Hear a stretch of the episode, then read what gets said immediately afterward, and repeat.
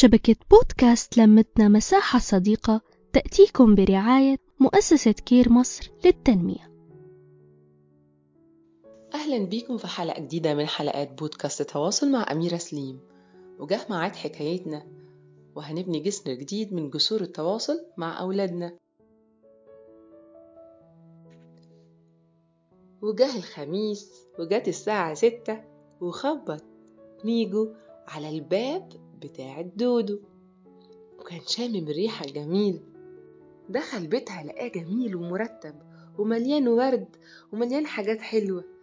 قعد على ترابيزة السفرة واستنى. وجات له دودو بحاجة طويلة كده فيها المشروب بتاعه. بص واستغرب. إيه ده؟ أنا هشرب إزاي في دي؟ إزاي همد بقي في الإزازة دي؟ دي حاجة غريبة قوي وطويلة قوي. إزاي همد بقي فيها؟ لساني مش هينفع ينزل تحت مش هيطول لغاية تحت.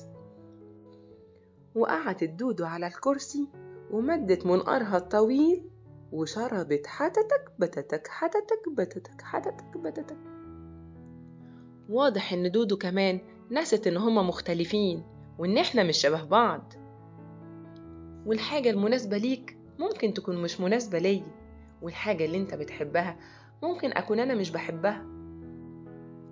دودو بصت للميجو وقالت له إيه ده؟ شكلك مش جعان.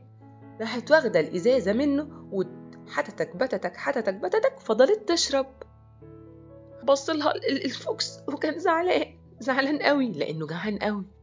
خسارة يا دودو لو كنتي عملتي حسابك إن أنتوا مختلفين كنتي حضرتيله طبق وحطيتيله فيه المشروب بتاعه. وكنتوا أنتوا الاتنين اتبسطتوا.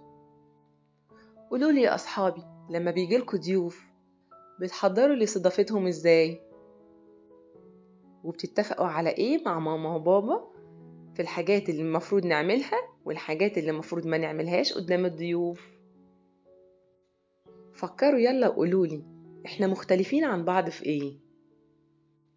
بس في الحاجات اللي إحنا بنحبها والحاجات اللي إحنا مش بنحبها؟ ولا كمان مختلفين في الشكل واللون. وإيه اللي عجبكم في الثعلب ميجو وإيه اللي عجبكم في الدودو وإيه اللي ما عجبكوش في الاستضافة بتاعتهم؟